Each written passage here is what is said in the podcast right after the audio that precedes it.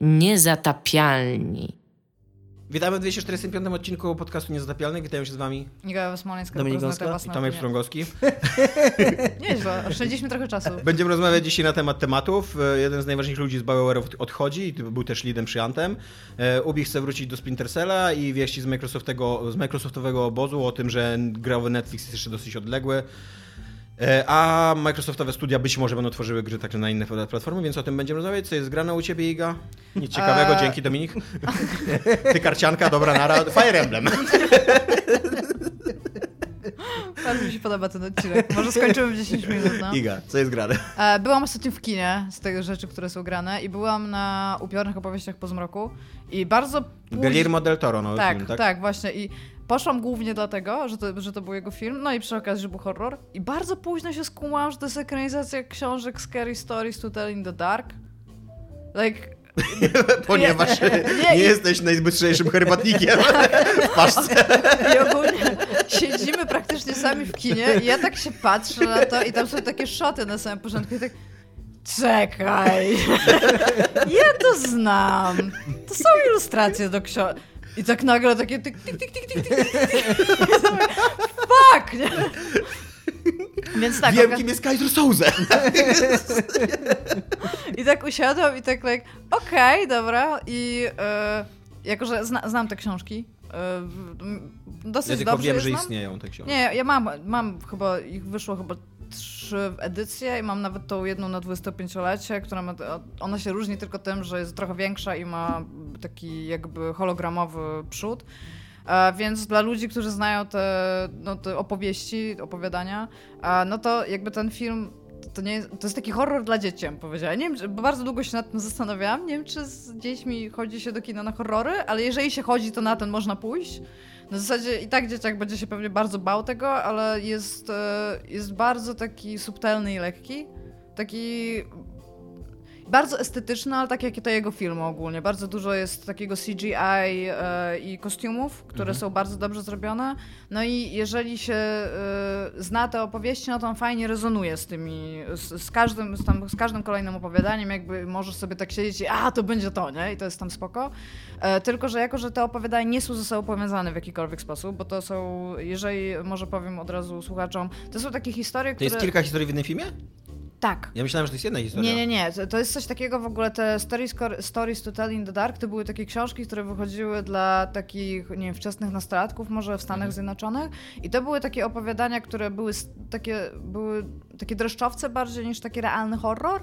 E, trochę na zasadzie takich baśni, że coś przyszło i się stało, bo ktoś tam coś robił, w sensie tam złego. E, natomiast one były napisane tak, że na przykład jeśli można było czytać przy ognisku, i było na przykład takie miejsce, że nie wiem, e, i wtedy, i jest tam trzy takie jakby adnotacja do czytającego, schyl się do kogoś, kto jest najbardziej przerażony i krzyknij mu do ucha, nie? Albo coś takiego. Więc to było takie automatycznie, jak to rozegrać najlepiej, żeby ta historia była straszna. Więc one dla dorosłego nie są straszne. E, wi widać, widać, że one są kierowane do młodzieży. Czy na sali były dzieci albo młodzież? Ja byłam chyba tylko z chłopakiem, więc ogólnie to nie było nikogo. Czyli nie było dzieci? Nie, nie było dzieci. Co więcej, dowiedziałam się, tak swoją drogą, że są seanse VIP.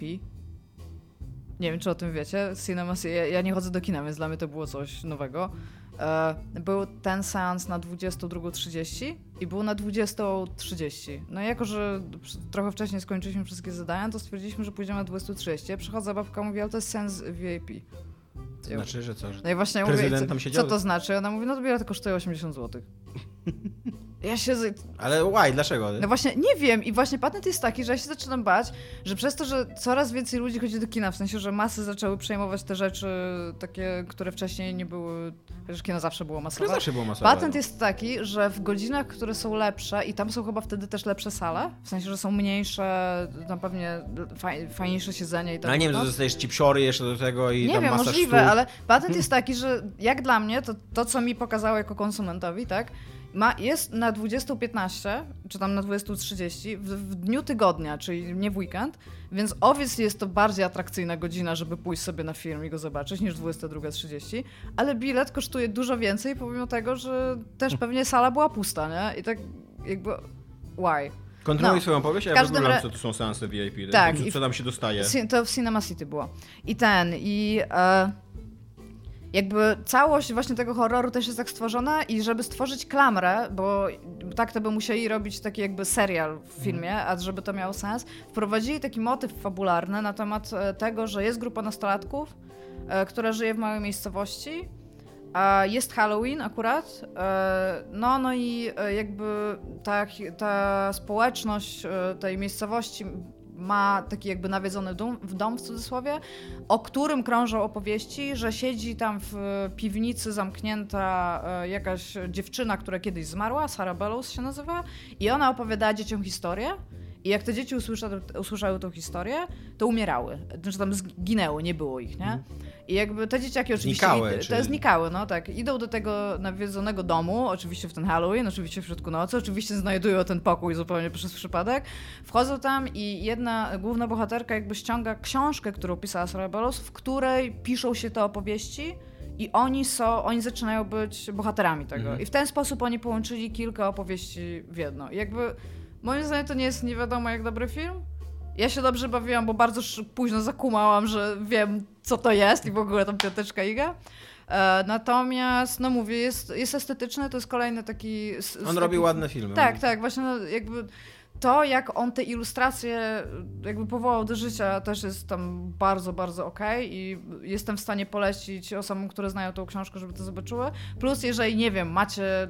Ja nie będę namawiać rodziców, żeby wystawiały dzieci na horror, jeżeli nie chcą, ale uważam, że jeżeli chcecie pokazać dziecku film grozy, to możliwe, że to jest bardzo fajny film, żeby pokazać, bo przy okazji też jest fajnym filmem. Ja chciałem tylko się odnieść do tego, co powiedziałaś szybko o tym, że jest tam wprowadzona jakaś taka klamra, żeby to miało sens, że to są Aha. niepowiedziane są historyjki, że jest ten Netflixowy western Coenów Balladu Tak. o bohaterze z Kraksie, Tak, tak. w której w ogóle nie ma jakiegoś, tego, jakiegoś takiego powiązania. Te historyjki są zupełnie niepołączone ze sobą w żaden sposób i w ogóle to nie przeszkadza tam. Tak, tylko że też to nie był film kinowy. Mi się wydaje, że, No tak, w- to prawda, że że to konwencja był- kina trochę to wymuszała, tak. żeby to było. Ale masz tam w tych balladach, masz tak, że się otwiera książka na początku No i tak, ale to jest takie... No czytają tak, ci tak, pierwszą stronę opowiadania, a później No tak, ale nie, film. ma, ale nie ma jakiegoś takiego, nie wiem, jakiegoś takiego, Tak. metanarracji, która jakoś to łączy w całość. To w ogóle było dosyć fajnie zrobione, bo jak pamiętam, jak się czy- przeczytało tą stronę, to tam realnie to było to, co było potem pokazane, pomimo tego, że tego ci nie czytali, bo tam oni ci kawałek czytali Tak, i tak. automatycznie było takie przejście, że teraz Tak, będzie tak. To, to, co oni ci czytają, nie? To to, co się działo na ekranie, było dokładną jakby Tak. ekranizacją tego, natomiast to było zupełnie napisane inaczej, tak jakbyś książkę czytał. Mm. I to było spoko. Jest taki film Jarmusza, chyba Jarmusza Dym, yy, w którym jeden z bohaterów mm, ustawia taki album fotograficzny i jakby pomiędzy poszczególnymi historiami jest taka czarna strona, tak jak w albumach fotograficznych często. No masz. tak, I tak, tak, żeby no... Taką masz taką metanarrację wprowadzoną. E, wy- wyczytałem, co to są seanse VIP. W cenę biletu wliczone są zimne i gorące dania przygotowane na miejscu przez profesjonalnych szefów kuchni. Sałatki, desery, przekąski, napoje ciepłe i zimne. Wszystko bez ograniczeń, wszystko wliczone w cenę biletu.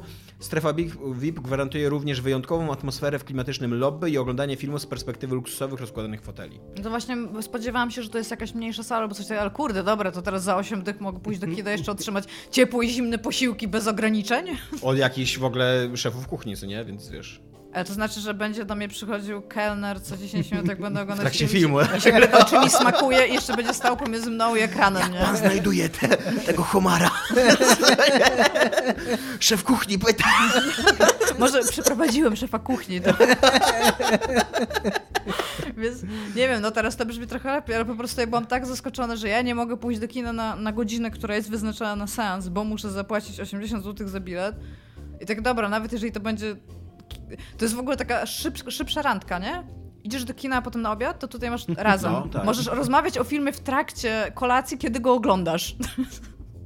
A jakby było tak jak ty, że na tym seansie VIP są tylko dwie osoby, to jeszcze można skonsumować tą rankę tam, wiesz, na koniec. szefa, a, albo nawet jeszcze szef kuchni się do ciebie Że dołączy. tam kino, kino obiad i, i e, konsumpcja w jednym, co nie? Bo za 80 zł. I to jeszcze kolacja po ciemku, bo za to się duże, duże pieniądze teraz Tak, płaci, no, nie masz no. rację, tak. Więc to... Spoko, no. No, więc jakby co to ja, ja, ja tego, to nie jest jakiś najlepszy horror, jaki w życiu widziałam. Jeżeli jest kategoria kino dla nastolatków e, slash groza, to jakby... Jest taka kategoria. Tak? No tak. Ty, jest Ostatnio widziałam ten przeróbkę- horrorów dla nastolatków, przynajmniej w tego piątek 13 i tak Scream dalej. widziałam, w ogóle Netflix ma jakiś taki serial Scream.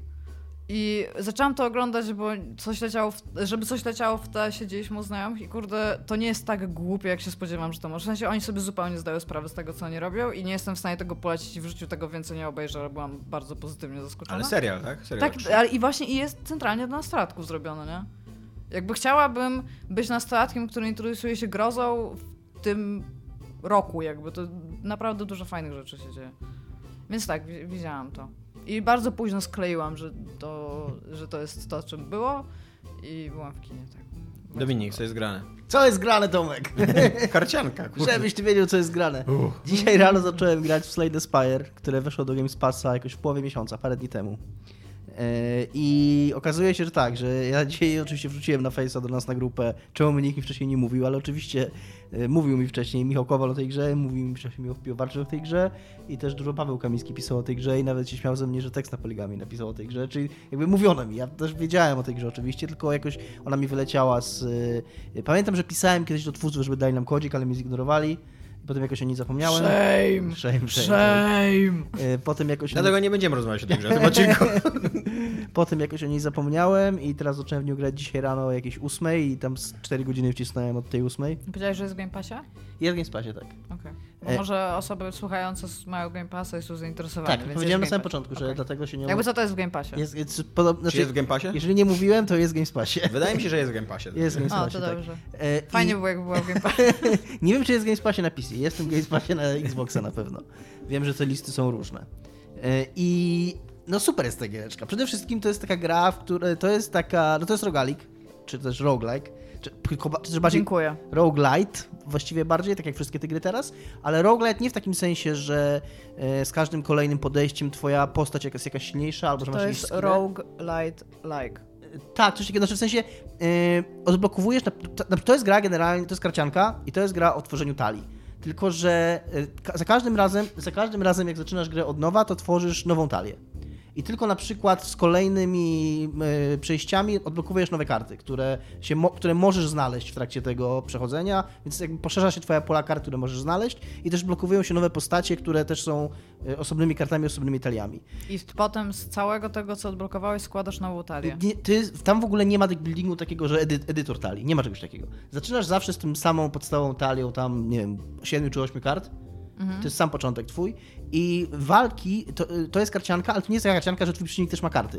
Tak jakby ty widzisz ludzika, który masz na przykład widzisz trzy potwory i widzisz, to jest taka gra, ona mi się bardzo skojarzyła z y, y, Into the Bridge.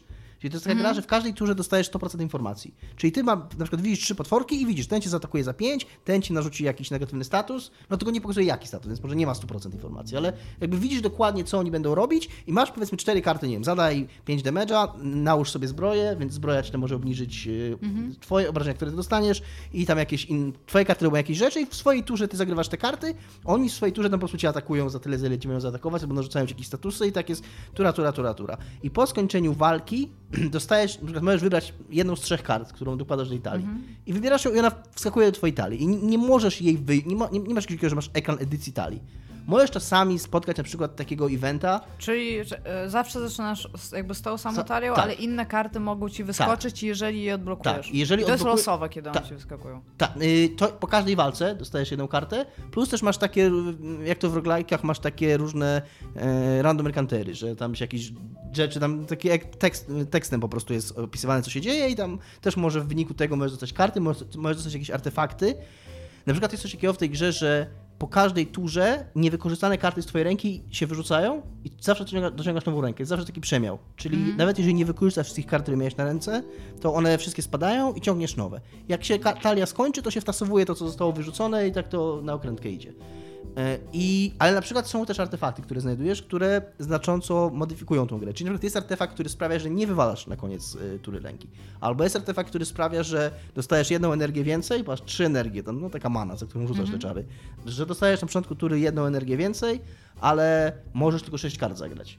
I więc jakby w toku tej gry nie tylko tworzysz talię, ale też tymi artefaktami, które zdobywasz, lekko modyfikujesz zasady tej gry. Czyli za każdym takim podejściem to twoja talia będzie wyglądać trochę inaczej, te zasady gry będą wyglądać trochę inaczej, no i musisz jak najdalej dojść. Tam wchodzisz do kolejnych pomieszczeń, tam pokonujesz tych kolejnych wrogów, no aż na samą górę dojdziesz. No, na razie udało mi się jednego bossa zabić, w sensie zaczynasz na takiej jakby planszy, gdzie masz taką mapkę rozrysowaną z takimi węzłami, jak idziesz na górę, tam są takie różne rozgałęzienia, sobie wybierasz, na końcu jest boss i później masz kolejną taką mapkę od początku. Jest tam jakaś fabuła w tej grze? Nie ma żadnej fabuły.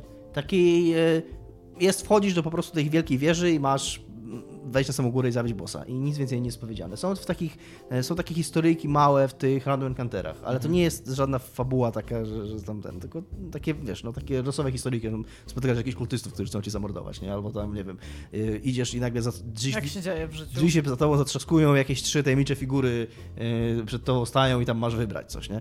No i na razie jestem super podjarany tą grą. Yy, przede wszystkim mega fajne jest to właśnie, że to jest gra o robieniu talii, ale to jest gra, w której e, tą talię budujesz w toku rozgrywki, a nie tak, że siedzisz na ekranie talii i sobie przemieszasz tym.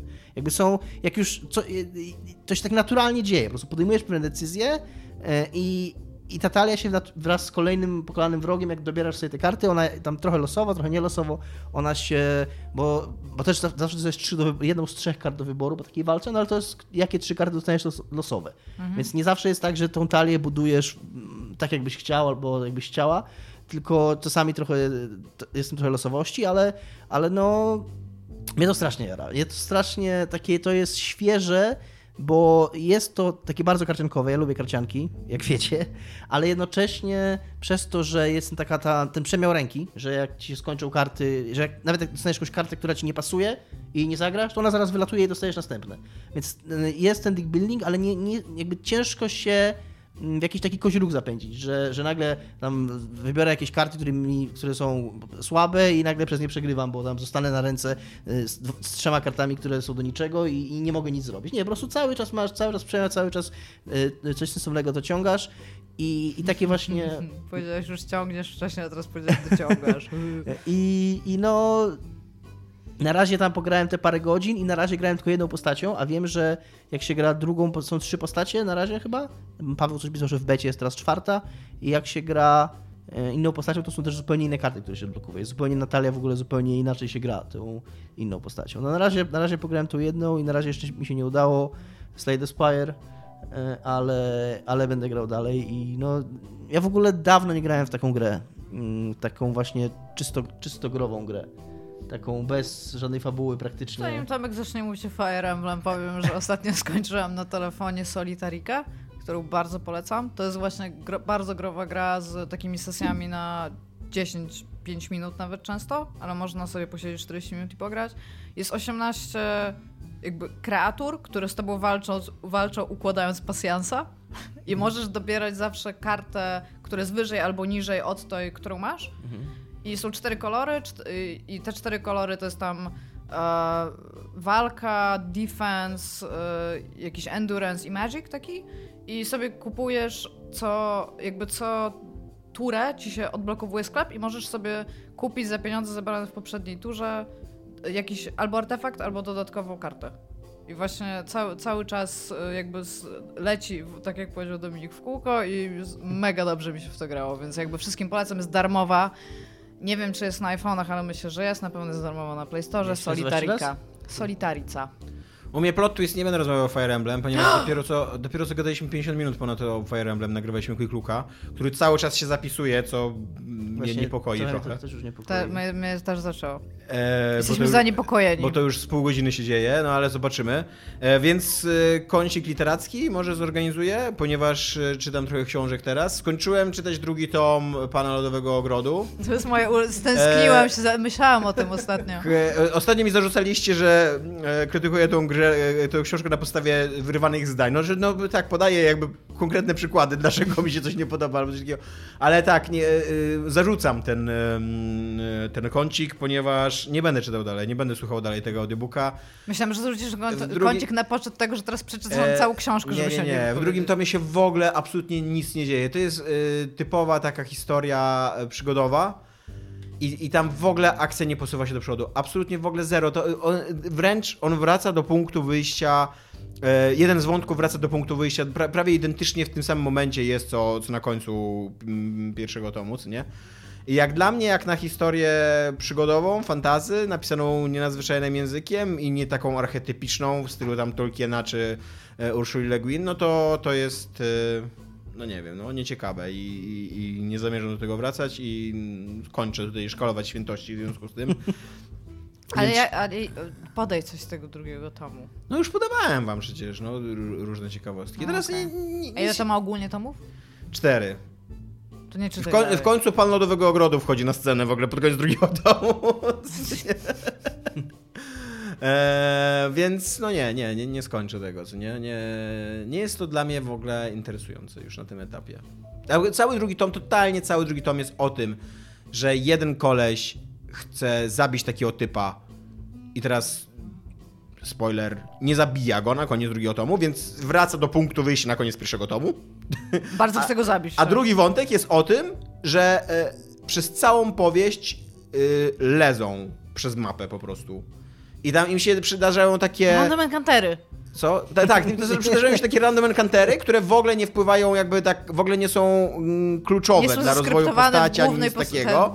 A, a jednocześnie mówię, to nie jest taka fikcja archetypiczna w stylu tam na przykład Tolkiena, co nigdzie, gdzie odnajdujesz takie, takie narracje pradawne i tak dalej, to sprawia ci jakąś taką frajdę, nie? Przy, przy okazji w ogóle u Tolkiena się mnóstwo rzeczy działo w porównaniu do, tej- do, do, do tej podróży, nie? Znaczy ogólnie u Tolkiena oni lezą, ale that's the point. I, jest też dużo, dużo wątków w ogóle gdzie indziej, nie? Tak, u Tolkiena, tak. więc to, le, to le, lezenie samo w sobie e, nie, nie, nie, nie, nie, dominuje jakoś też dosyć dużo chodził.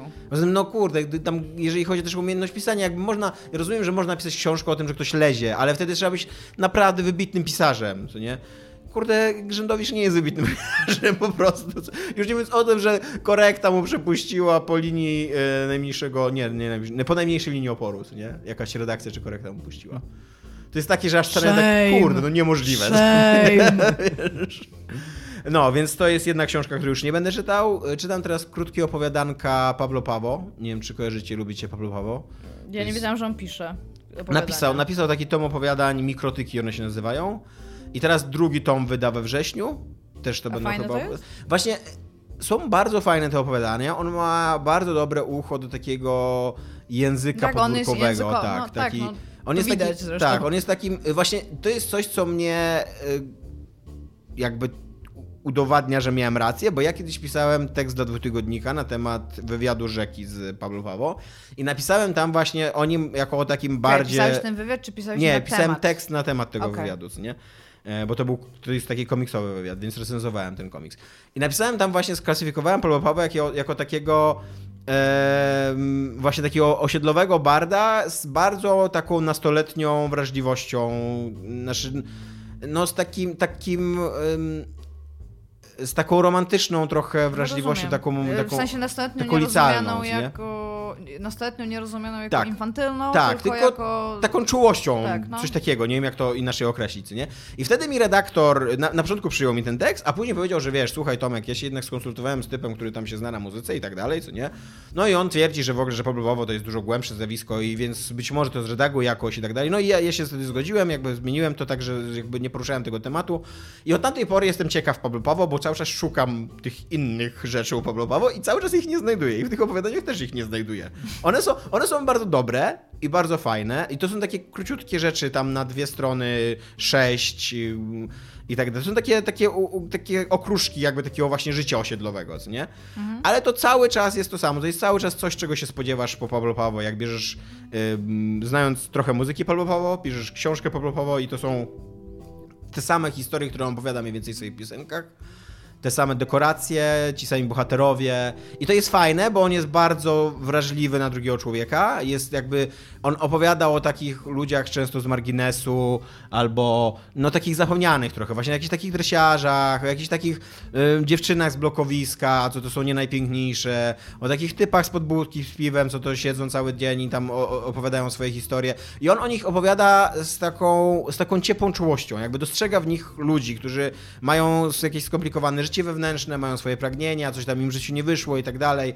I to jest super. Tylko to jest dokładnie to, czego się spodziewasz po Pablo Mhm. Pablo. Tylko jest rewelacyjnie napisane. Naprawdę autentycznie on ma. A mam do ciebie pytanie, ty czytasz w formie elektronicznej? Czy... Nie, czytam, mm, poży- pożyczyłem od mojego kolegi z Olsztyna, czytam jako, jako tomik. To jest A tam nie wiesz, czy 140 to stron. wyszło elektroniczne? Na ja mam 99 zakaz kupowania książek. Na 99% wyszło, bo to jest wydawnictwo czarne, oni chyba wszystko wypuszczają w formie Bardzo elektronicznej. Yy, A że więc- to jest wydawnictwo czarne, to jest jeszcze lepiej, Tak. ci powiem. Tak. Wydawnictwo bardzo, ja jestem wielką fanką wydawnictwa czarnego i mogę im nieodpłatną reklamę tutaj Oni, poczynić. no, oni ma- mają Chociaż byli dobry lepsi. wybór. Oni Byli mają, lepsi. mają dobry wybór, jeżeli chodzi o takie profesjonalne podejście redaktora i tak dalej, co nie, do, do, do, do, do tytułów, które biorą. I mają dobre podejście właśnie też do tam korekty, do mm, redakcji językowej i tak dalej, ale zdarzają im się wpadki, nie? Tak, właśnie dlatego mówię, że byli lepsi, bo jak e, oczywiście, z...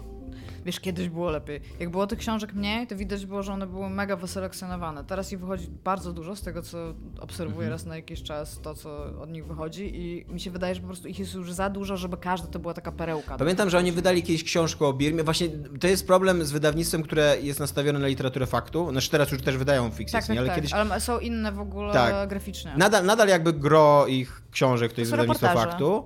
I, y, I jest problem w ogóle moim zdaniem w Polsce z czymś takim, że w Polsce rzadko się robi reporterom fact- fact-checking. Że jak miałeś, jak w Ameryce jest coś takiego, że jak ktoś ci przyjmuje reportaż, to są ludzie z redakcji, którzy dzwonią do ludzi, których ty cytujesz w tym reportażu i sprawdzają, czy oni naprawdę powiedzieli to, co jest w tym reportażu powie- za- zamieszczone. W Polsce się raczej tego nie robi i właśnie jedną z największych wpadek w ogóle moim zdaniem w historii polskiego reportażu było jak koleś, który napisał reportaż o Birmie, nie przypomnę sobie teraz jego nazwiska.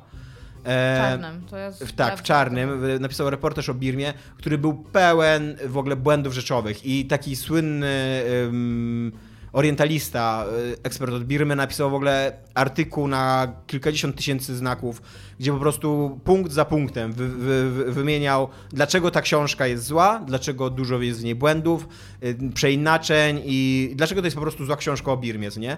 I to wynika z tego, że Wiesz co, jest, jest bardzo dużo książek o Birmie wydawnictwa No. czarne. Jest Cyklon. cyklon, to jest ta książka. A. Tak. Ja, I też autor jeszcze, bo nie szukaliśmy tytułu, tylko autora. Aha, przepraszam. Już zaraz sprawdzę. Andrzej Muszyński. Tak, i, i to Andrzeja Muszyńskiego Cyklon. I, I to wynika po prostu z tego, że w Polsce wydawnictwa nie mają na pieniędzy i, i sił przerobowych. Ale on, ja rozumiem, Żeby- że tego nie zrobił ten autor. Chociaż dobra, w sumie nie będę. Cię, ciężko powiedzieć, dlaczego No, on to nie zrobił. będę się wdawać No w- właśnie, no tam. właśnie, ciężko powiedzieć, czy to przez przypadek, czy on konfabulował, czy on po prostu błędnie myśli i po prostu napisał nie tak jak trzeba, co nie? No ciężko powiedzieć, są takie śliskie sytuacje. Akurat tych o Birmie nie czytałam, ale wszystkie te, które bardziej takie rejony zahaczają reportażowe, które mnie, mnie interesują, to nie jestem w stanie powiedzieć, czy tam rzeczywiście doszło do jakichś przeinaczeń. Teraz będę czytał książkę e, Pindla. e, mm, Kurde, no ludzie, to, to jest nazwisko. Przepraszam, przepraszam. E, O, Ja się powstrzymywałem, ale jak Iga zaczęła, to że... fandom, o polskim fandomie fantazy. I, znaczy no fantasy, science fiction i tak dalej. Przepraszam o polskim pana fandomie. autora. E, więc, Było to zabawne, jak Tomek powiedział. więc, Iga nie brni w to. więc o tym, o tym będę czytał książkę i dam wam znać, czy, czy ona jest dobra. Ale przeczytałem jeszcze mega wielką powieść, którą się kurde kilka tygodni męczyłem. E, Jonathana Frazena e, Korekty. To jest taka współczesna powieść o... Am- Co? Ja chcę, po, ja chcę w sumie usłyszeć, o czym to jest, bo To jest wielka powieść na 800 stron, po 1200 stron na czytniku, o współczesnej rodzinie amerykańskiej, e, takiej ze środkowego zachodu, takiej klasycznej amerykańskiej to rodzinie. wyszło do co dopiero? Jakoś Nie, nie, nie, niedawno? to da, dawno już wyszło. A, To jest okej. jakiś tam początek dwu, dwu, 2000 lat, co nie? E, super jest ta książka, bardzo dobrze się ją czyta, w ogóle jest świetnie napisana i świetnie przetłumaczona i ma bardzo dobry wątek, taki wciągający na poziomie emocjonalnym i uczuciowym e, córki e, Denise, która tam e, no, przez różne życiowe perypetia przechodzi i tak dalej, ale mam wielki problem z tą książką, bo Frenzen to jest taki koleś, który miesza realizm z farsą. I jak czytałem jego wcześniejszą książkę, której tytułu nie przypomnę sobie teraz, to, to kupowałem to, bo ta farsa była w takim w temacie, której, e, którego, e, który mnie nie poruszał, ale tutaj ten cały wątek farsowy dzieje się na Litwie.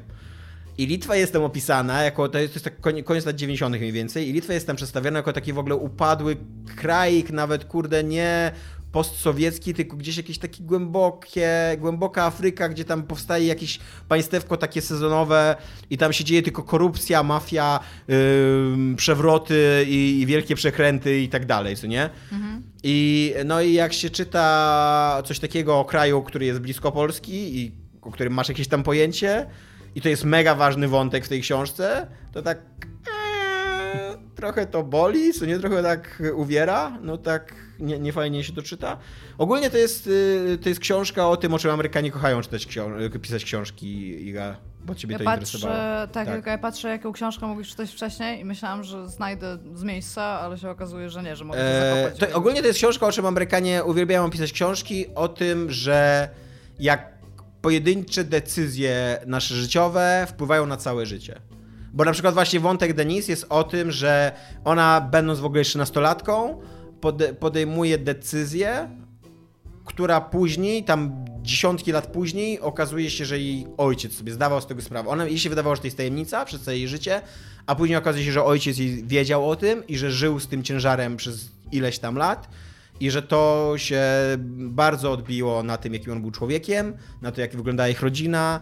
Yy, I tak dalej. Co nie? Amerykanie mają ten hiperindywidualizm, tak. który bardzo mają jakby taki aż e, zinternalizowany, że sobie często nie zdają z tego sprawy. Jest to bardzo fajnie w ogóle skrytykowane w innej słynnej amerykańskiej powieści, w amerykańskim, amerykańskiej sielance Filipa Rota, gdzie to jest książka o tym, że mm, córka głównego mm. bohatera zostaje lewicową terrorystką w latach 60., kiedy, kiedy tam ten... Kontrkultura. Tak, cała kontrkultura właśnie się buntuje i ona zostaje lewicową terrorystką i on próbuje przejrzeć całe swoje życie i dowiedzieć się, w którym momencie to, to się... To, błąd. Tak, tak co, co się wydarzyło. I cała ta książka kończy się tym, że, no, że on tam przedstawia 30-40 pomysłów, takich 40 teorii, ale że nie wiadomo, że nie ma takiego jednego punktu. No, I to jest tak. tak to, that's the no, point. Tutaj, no nie, tutaj Franzenci mówi, że są takie punkty. Jakby.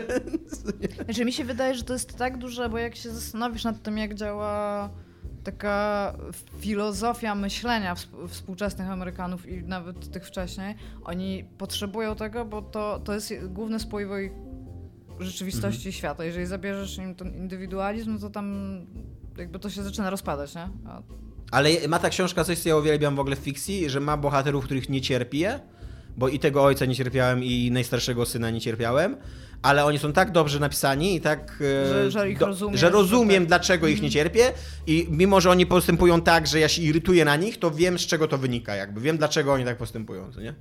I jak Gary tam przyjeżdża do domu i jest wkurzony na swoich rodziców i nie rozumie, że oni są już no, starzy i schorowani. Nie więcej tej książce, bo ona już mi ciekawie. Ja nie mogę czytać książek, które mają 800 stron. Po prostu. No kurde, tak, no. tak. Te, też mam z tym problem, że długie książki trochę mnie przytłaczają i mówię, za 3-4 tygodnie ją czytałem. Ja bo... czasami się patrzę na książki, które ja jestem w stanie... A wiesz, co dzisiaj zrobiłem, co nie? Przeczytać 600, 600 stron, ale ja na przykład potem się patrzę, że ta książka leży i ona się na mnie patrzy. I to jest takie już jestestwo, że ja po nią nie sięgnę, bo ja się jej boję w jakiś sposób, że, że, że, nie wiem, że zapomnę czytać, albo że mi to zajmie dużo czasu, więc jej nie czytam. Tak. I zapycham to dużą ilością małych książek po prostu. Wiesz, co dzisiaj zrobiłem? Co nie jest co? festiwal literacki Sopot. I Poszedłeś i kupiłeś książki. Pojechałem tam odebrać komiksy takie recenzenckie, no bo bez sensu, że mi wysłali pocztą, skoro mogę fizycznie mm. pojechać i je wziąć ze stoiska. I kupiłem jedną książkę tylko. Zgadnij, ile ma stron. 1200. 900. Mniej. Co to za książka? E, Michael Chabon, niesamowite przygody kogoś tam, kogoś tam. No, to, lu, lubię, to, lubię serię o kimś tam, kimś tam. To, jest, to, to nie, jest, to nie jest yy, seria. No, Tomek, do mnie mam, to miał być żart. Że nie pamiętasz. E, to jest książka o y, Żydach w historii komiksu. Niesamowite przygody Kawaliera i Kleja. E, I to jest podobno ta, to jest podobno świetna powieść, ona chyba dostała Pulitzera czy coś takiego, która jednocześnie opowiada o historii komiksu w Stanach Zjednoczonych, więc to mnie przekonało. A, nie że Żydach w komiksie jako o postaciach, tylko o nie, nie, nie, o autorach, tak, okay. o autorach żydowskich. No. Tak się zastanawiam, że to dziwna książka. Jeżeli... To tyle, tyle, w co jest grane. Tymczasem w Microsoftie się dzieją rzeczy, Iga. Tak. Jakie rzeczy się dzieją w Microsoftie? Czy możemy najpierw porozmawiać o tym, że pan z Microsoftu się nazywa Matt Booty? Czy możemy o tym porozmawiać? możemy. Bo ja to nazwisko kocham i jeżeli ten pan by się chciał na przykład ze mną hajtnąć, ja bym się mogła nazywać Smoleńska Booty. Ja bardzo chcę. I teraz tak, zapamiętałam nazwisko, więc obecnie nie zapamiętałam, co ten pan robi, ale zaraz się dowiem. Jest chyba E, szefem studiów Microsoftu. Tak, jest e, szefem e, studiów tych, e, no we- wewnątrz Microsoftowych Microsoftu, do tak. Xboxa, tak. Matt Booty e, rozmawiał e, z serwisem Video Games 24/7 Właściwie z Game Informerem. z Game Informerem, tak, tylko że z Video Games 24/7 cytuję, tak Game Informera, e, który zapytał Butiego między innymi, e, z, zacznę, potem przejdę do Netflixa gier, teraz przejdę do faktu, że Game Informer zapytał, jako że Microsoft ostatnio strasznie wykupuje studia, co ogólnie... A jednocześnie jest podejrzanie otwarty na inne firmy z konkurencji. co nie? Tak, ale też mam, mam w ogóle taki Nintendo. thing, że nie wiem, czy pamiętacie, bo e, ogólnie analitycy rynkowi twierdzili, że e, Xbox stoi pod znakiem zapytania przez to, że oni teraz tak inwestują w PC i te wszystkie właśnie Games Passy i tam whatnot. I nagle zaczęli wykupować studia. I pierwsze to było e, Ninja Theory, było coś takiego, że było taki boom. I nagle właśnie Obsidian, Double Fine i tam w ogóle zaczyna naprawdę sobie robić taką, taki fajny... koleś od Wasteland? In Exile. In Exile, no właśnie. Tak, oni zaczęli robić sobie takie naprawdę bardzo fajne portfolio i teraz yy, no, istnieje obawa, że skoro sobie kupili jako tych first party deweloperów, e, pierwszoimprezowych yy, wytwórców, Nice. E, tak. E, Mam nie mówić po angielsku, więc, więc proszę. E, to zapytali się, czy, ist, czy oni, czy jakby, czy Microsoft nie widzi e, problemu z faktem, że te studia miałyby wydawać również gry, które pojawiałyby się na innych platformach.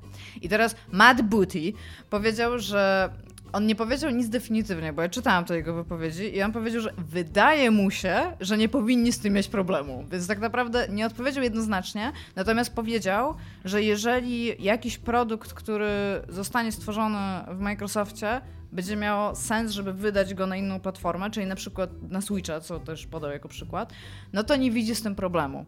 Więc tak, wydaje mi się, że yy, jakby by, ani razu tam nie pada nic o, o Sony, więc wydaje mi się, że chodzi tutaj bardziej o to, czy będziemy się mogli spodziewać gier, które będą wychodzić na Xboxa, na PC i Switchu. Znaczy on powiedział coś takiego właśnie, tak jak ty powiedziałaś, że, że jeżeli to będzie miało sens, i to jest taki, taki w ogóle prima sort bullshit, bo on tam mówi, że jeżeli y, y, gra będzie mogła skorzystać na infrastrukturze Microsoftu, czyli na naszym y, Games Passie i na Xbox Live i tak dalej, to będzie ekskluzywem. Jakby czemu? Co takiego, co takiego jest? Bo mówię, że na przykład, no oczywiście, że tam Forza czy Gears, wymienię jakieś tytuły, że tam Gears of War oczywiście tam będzie... No tak, tak, że te ekskluzywy, które były ekskluzywami, Tak. będą ekskluzywami. jakby czemu? Co sprawia, co jest takiego, w jaki sposób takie Gears 5 wykorzystuje Games Passa i, i Xbox Live, że to nie mogłoby być na PlayStation, czy tam na, na ten. To bardziej mi się wydaje, że e, żebym się bardzo zdziwił, jakby Microsoft Mi się kupił... wydaje, że im chodzi raczej o to, że na przykład jeżeli by wydali Forza to go, Na to przykład. oni nie mają Na konsoli przykład. przenośnej, więc na wydadzą przykład, to na Switcha. Ja to albo, tak że, widzę. albo no. że jeżeli powstanie, on tam podaje przykład Minecrafta, że tak, Minecraft faktycznie jest grą de facto w tej chwili z wewnętrznego studia Microsoftu, która jest obecna poza konsolą. Tak. Ja coś chcę powiedzieć, Co? bo teraz sobie przypomniałam. Odkryłam ostatnio najbardziej absurdalną rzecz na stacjach benzynowych. Ja sobie dosyć często jestem na stacjach benzynowych i patrzę się, jak się kupujesz rzeczy, to są batony. Mhm. No i oczywiście stoję, kurde, w tej kolejce, no to się patrzę na te batony i sobie czytam, co tam nowego wyszło. I jest baton, który się nazywa Lion to Go. Tak jakbyś każdego normalnego Liona siadał No i tak. jadł jak w restauracji. Masz rację.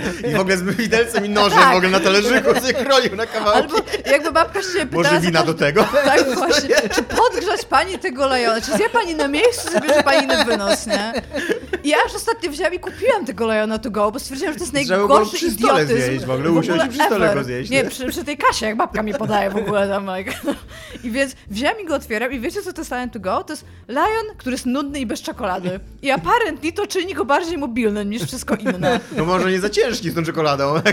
Ale, bo ja się tak nawet zastanawiałam, nie wiem, może on jest zrobiony tak, że się nie upieprzysz, nie? Że siadasz do tego samochodu i realnie prowadzisz, więc go trzymasz. Nie, on się jeszcze bardziej rozpada niż każdy inny, bo nie jest obalany czekoladą. Powinien zrobić taką reklamę, Jestem że tak zła, że to w ogóle istnieje. Chciałbyś wyjść na pieszą wędrówkę, ale twój lion jest zbyt ciężki. I ten taki człowiek taki próbuje podnieść liona. "Aaa, Nie no, znowu muszę go jeść przy stole. Tymczasem tutaj bez Tak, czekolady. to go, nie? I tak like, what the fuck, nie? I tam ludzie hajkują z Dajonem.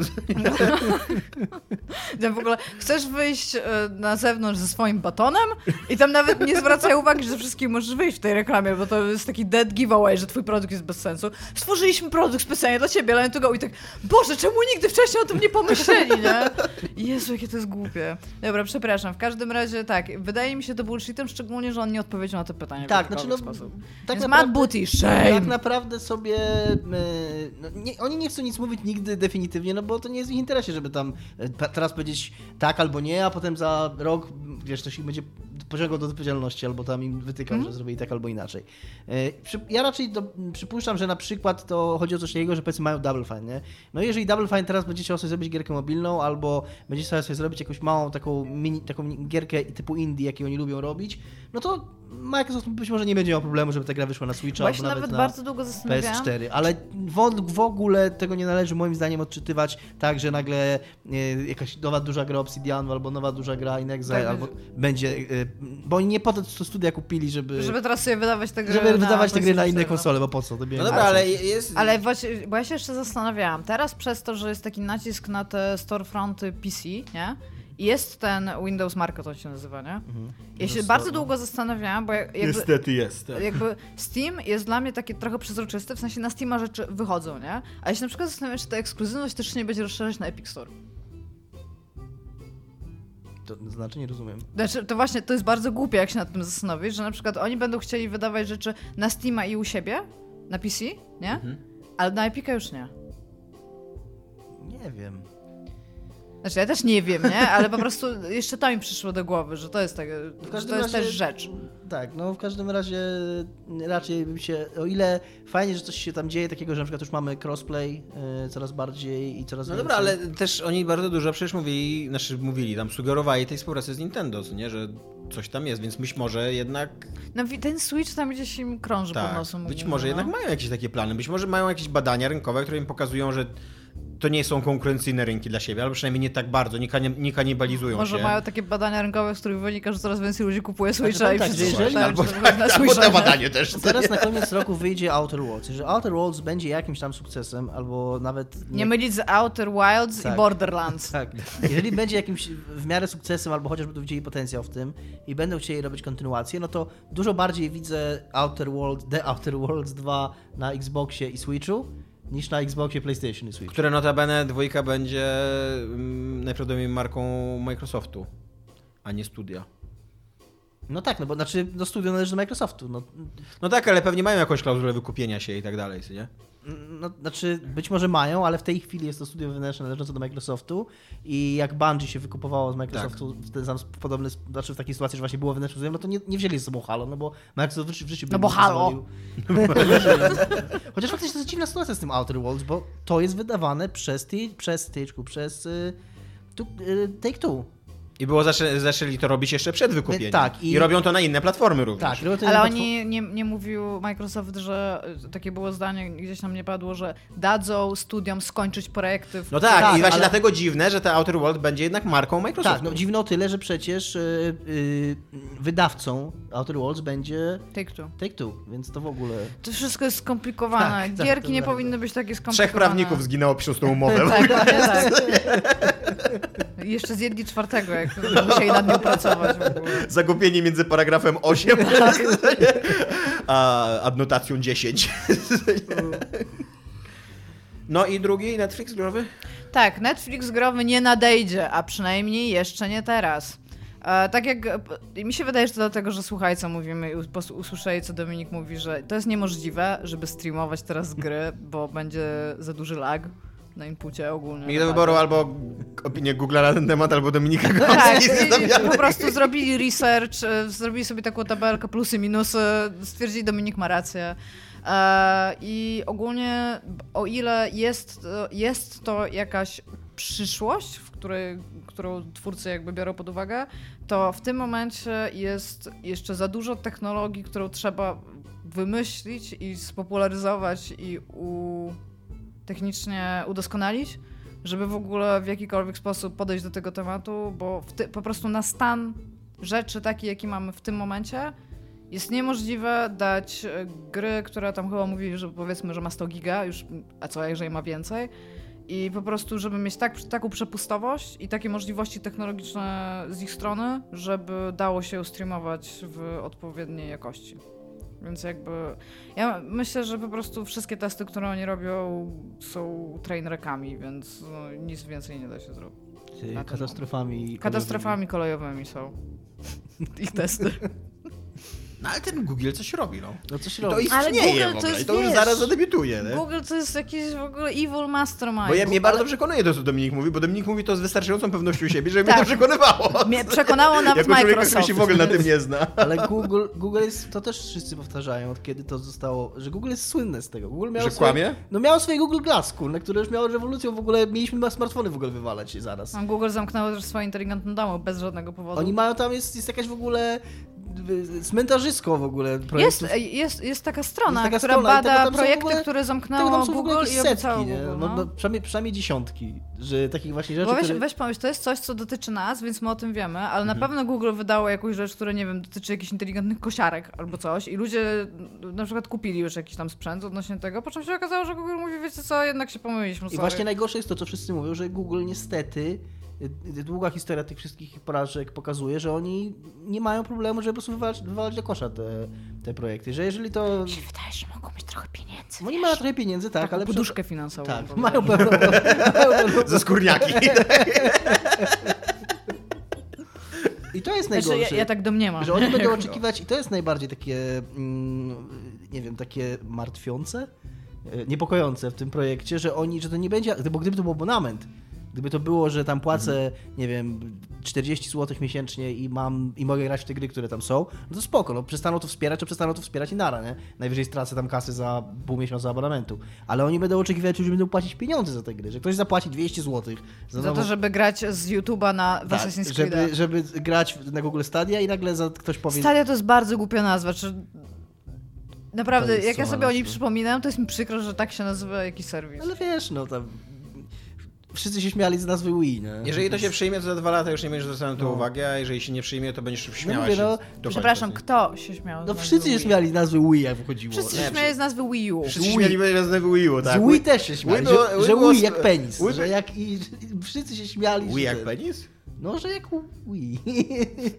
Były totalnie, pamiętam... A bo ty czytasz Eurogamera. Pamiętam totalnie. Nikt z Amerykanów nie mówi GameSpotu, Wii. Też z GameSpotu, e, w ich podcaście Jeffy i te wszystkie. Też było jechanie po tej nazwie z góry na dół. Nie Że pamiętam, Było, e- na początku było Revolution, bo to była, bo to była nazwa kodowa. A wszyscy byli w ogóle wow, jaka to super nazwa, bo Revolution, bo to będzie rewolucja. Ale te i się kłaniały. I jak, ale teraz, bo właśnie minęły te lata, jak się okazało, że nie będzie Revolution, tylko to będzie Wii, to wszyscy się za głowy łapali, że jaka idiotyczna głupia nazwa. A ty pamiętasz, że Tak było. ziomeczek nazywał się...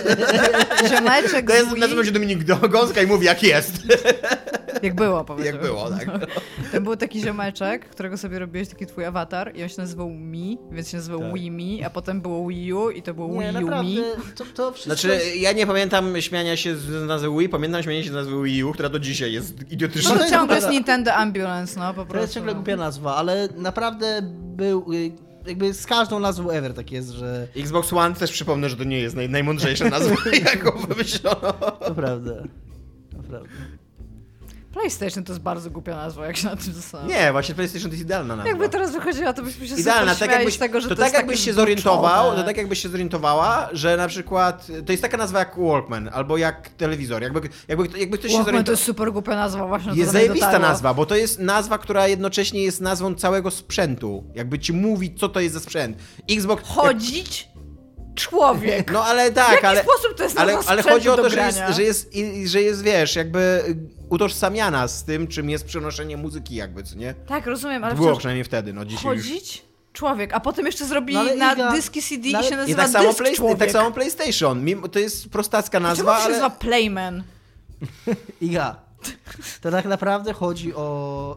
Znaczy, ja wiem, co chodzi Dukowi, bo to, jest, Tak. nazwa- to jest nazwa funkcyjna, która opisuje. Nie, być może Walkman, przykład, którego użył, nie jest y, dobrą analogią, bo faktycznie Walkman jest tak roz, y, kojarzony, dlatego że po prostu się ugruntował. Ale PlayStation faktycznie jest taką nazwą, żeby teraz nie było PlayStation, a powstało PlayStation, to jest ja- czytelna nazwa. Stacja do grania, koniec. Co to jest? To, to jest właśnie to. Men. Nie, Playman to właśnie nie, no już, ci po- już ci powiedziałem, już da, dajesz Tomkowi spokój z tym Przede Walkmanem. wszystkim, przede wszystkim Playman to było jak, wiesz, Jakby Playboy ze starymi tak? gołymi bobami, co nie? nie Playboy, tylko Playman. Okej. Co Szybko Czy, eskalowało. sesja, czy, se, czy, czy nasza sekcja nomenklatury już może iść do lamusa?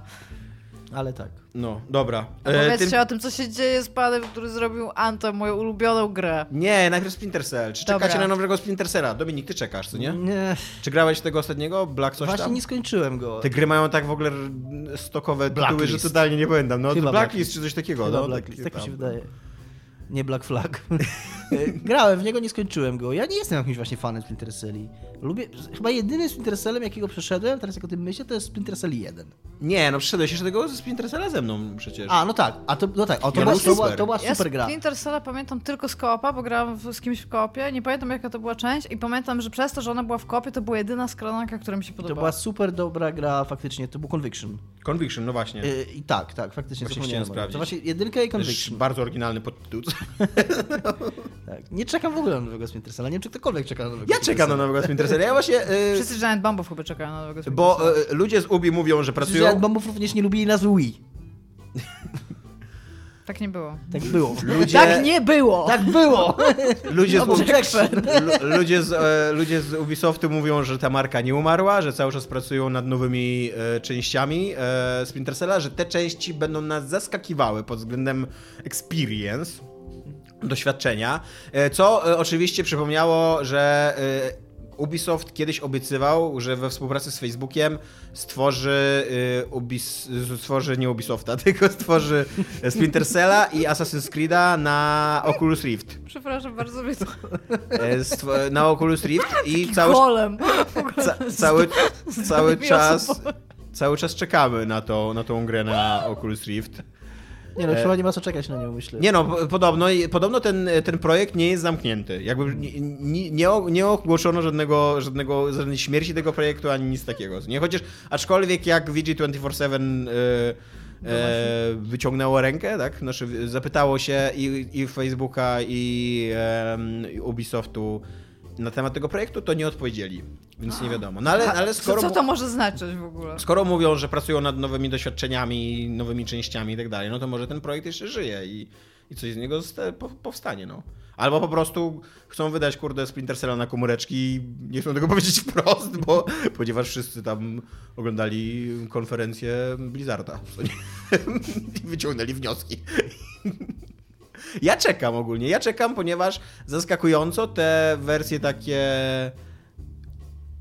zwulgaryzowane, że się tak wyrażę, Splinter Cell, te dwa nowsze właśnie, Conviction i Blacklist, one są dla mnie, nie dość, że są, nasze są przede wszystkim strasznie durne fabularnie. To, co tam się dzieje, to jest takie 24 godziny na sterydach. Takie tam szybko podejmijmy jako decyzję, zanim się zorientujemy, jak idiotyczna ona jest. tak, to jest takie w ogóle przeświadczenie z filmów o antyterrorystach, że im szybciej podejmowana decyzja, tym em, bardziej dramatyczny to jest i tym to jakby, że, że, że w dramatycznych sytuacjach musisz wyłączyć myślenie i po prostu zrobić cokolwiek, co nie? Żeby, żeby się działo, żeby tam był zwrot jakiś, że tak namieszać, co nie? Tam wrzucić granat do szamba i po prostu zobaczymy, co z tego wyniknie. E, Ale one miały bardzo, bardzo Fajnie. fajnie... Z tego wyniknie iga? Co? Gówno. One miały bardzo fajnie zaimplementowany ten system skradania się, który dynamicznie przechodził w strzelinę. I nie wiem, czy pamiętasz, jak graliśmy razem i było tak, że kogoś odkryto, to bardzo fajnie było, że to tak płynnie przechodziło w sceny akcji, które jednocześnie były wystarczająco filmowe i też I przy okazji te sceny, a, to przechodziło w scenę akcji, ale one pozostawały skradankami. Tak, to było tak. fajne, że ona się nie... nie Ale tam właśnie Bo ona było nie tak, że, właśnie że ty MGS. wychodziłeś z tej sceny akcji wracając ze skradanki Tak, i bar- to, i że łatwo było też wrócić, tak. tak, tak. Bo MGS5 z kolei też ma podobnie, ale MGS5 ma tak, że on po prostu się robi strzelanką. I jak cię zobaczą, to masz po prostu strzelankę. I to jest okej strzelanka, ale po prostu strzelasz do ludzi wtedy już. A Splinter Cell miał tak, że nawet jak cię zobaczyli, to ciągle było to, to oni ciągle, bardzo łatwo było ich zgubić, bardzo łatwo było ich tam e, e, za nos wodzić, że tam pokazałeś mi się, on tam bieg za tobą, to gdzieś się chowałeś, drugi go tam z- odwracał jego uwagę. zaraz- No, ale tak, ale, ale jednocześnie dużo było takich scen, na przykład, że tam chowasz się, ktoś cię znajduje i, i musisz się, wiesz, chwilę postrzeliwać, co nie? Tam zabić kilka osób dookoła, co nie? I takie Tak, to było też czasami takie, bywa w takie życiu. to było gameplayowe, no, Fajne takie no. fajne, no.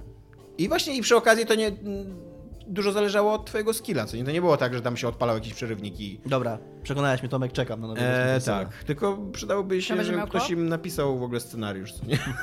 Czy on będzie miał koop? Nie wiem, To ja nie wiem, czy czekam. nie wiem. Blacklist chyba już nie miał koopa. Nie miał koopa, A-. Chociaż a- może miał A jakieś w misje. Conviction, w nie. Conviction było super z tym koopem, no. Super było najbardziej to, że on miał osobną kampanię w ogóle. Krótką, bo krótką, ale, ale była zrobiona pod koopa, to było fajne. Tak, to prawda. To prawda. I wydaje mi się, że to Conviction w ogóle wymyśliło ten system, który do dzisiaj jest wykorzystywany w wielu grach, że w, w miejscu, w którym cię wykryto, zostawiasz swój cień jakby. I że to jest taki inform- Tak, taki, ta, taka informacja dla gracza, skąd musisz uciekać, gdzie oni będą zmierzali. To jest tak fajne, fajne rozwiązanie moim Możliwe, zdaniem, że nie? które i właśnie i w MGS-ie było wykorzystywane i gdzieś jeszcze w jakichś grach. Y, W Death Stranding. Death Stranding na przykład, tak. O tak, dokładnie. Wiecie, że Death Stranding jak zaraz wyjdzie? Wiecie, wiecie, że to jest w ogóle coś, co istnieje, co nie?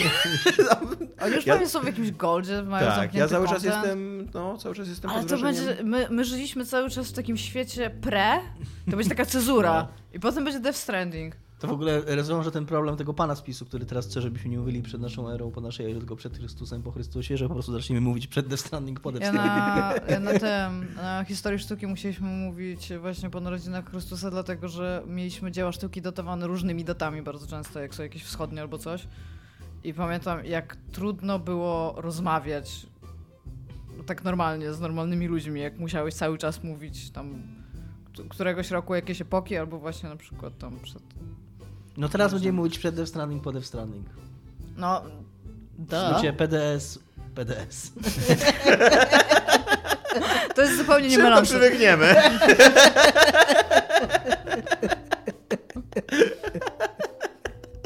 Nieźle, Nie przemyślałem tego. Nieważne, to była szybko podjęta decyzja, już zapadła. No właśnie, no, te dramatyczne sytuacje wy- wy- wymagają szybkich decyzji, no, musimy żyć teraz z konsekwencjami, co nie? Po prostu zamieszałeś w tym szambie i zobaczymy, co z tego wyniknie. Tymczasem w Anthem, e, znaczy w BioWare, w e, BioWare- się dzieje. Dzieje się ciągle to samo, co się dzieje w BioWare od dawna, czyli to, co się dzieje również po wrzuceniu granata do szamba. I kolejny pan y, Ben Irving, którego nazwiska szczerze mówiąc nie znałem wcześniej i musiałem sprawdzić. A ze który trzy- był leadem w Był lidem Anthem. przy Antemie, tak, ale musiałem tak ze trzy razy w trakcie tego odcinka sobie sprawdzać, żeby... I od czasu, kiedy pierwszy raz grał w Baldur's Gate, wiedział, Tak, że i chce chciał w BioWare, zastosować no. BioWare i e, był lidem przy Anthem i teraz odchodzi, co no... Ja nie chcę znowu... Są te plotki cały czas na stole, że BioWare Tak. zmierza ku końcowi. bierze no. końcowi i niestety ja jeszcze nie zagrałem, ale chcę zagrać w ten kataklizm, który oni, który oni dodali do Anthem, no ale to, co się dzieje wokół tej gry, niestety dosyć dobitnie pokazuje, że... Na, znaczy, inaczej, na razie nic nie wskazuje na to, że to będzie taka gra jak... e, Jak, te, Destiny. in, jak Destiny, albo jak nawet y, Fallout 76, który nie wiem w jakim stanie jest teraz, ale co chwilę się słyszy o nim coś. Co chwilę, albo jak No Man's Sky, No Man's Sky jest dobrym, dobrym przykładem takiej gry, która wyszła, spotkała się z negatywnymi reakcjami i teraz dopiero co wyszedł jakiś bardzo duży patch. na Tak, i wszyscy są zachwyceni w ogóle No Man's I Sky. oni to robią w darmowych aktualizacjach cały czas. To nawet nie jest DLC, to nawet nie jest ten, tylko oni wspierają tą grę tam, wiesz, popachy są urobieni, żeby, żeby ją doprowadzić tam mega szacun za to. I wszyscy piszą, że tam się dużo w tej grze. A po Antemie na razie minęło kilka miesięcy od wydania tej gry, wyszedł ten pierwszy kataklizm, on wyszedł z opóźnieniem i jakoś nie widać, nie widać jakiegoś takiego...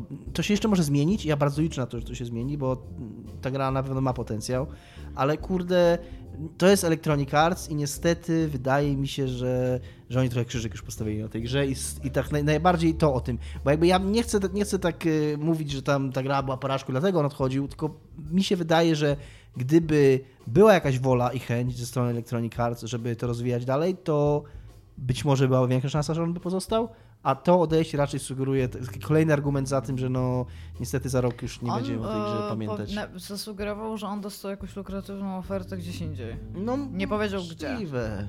Może, no Pewnie tak, no- Microsoft go kupił.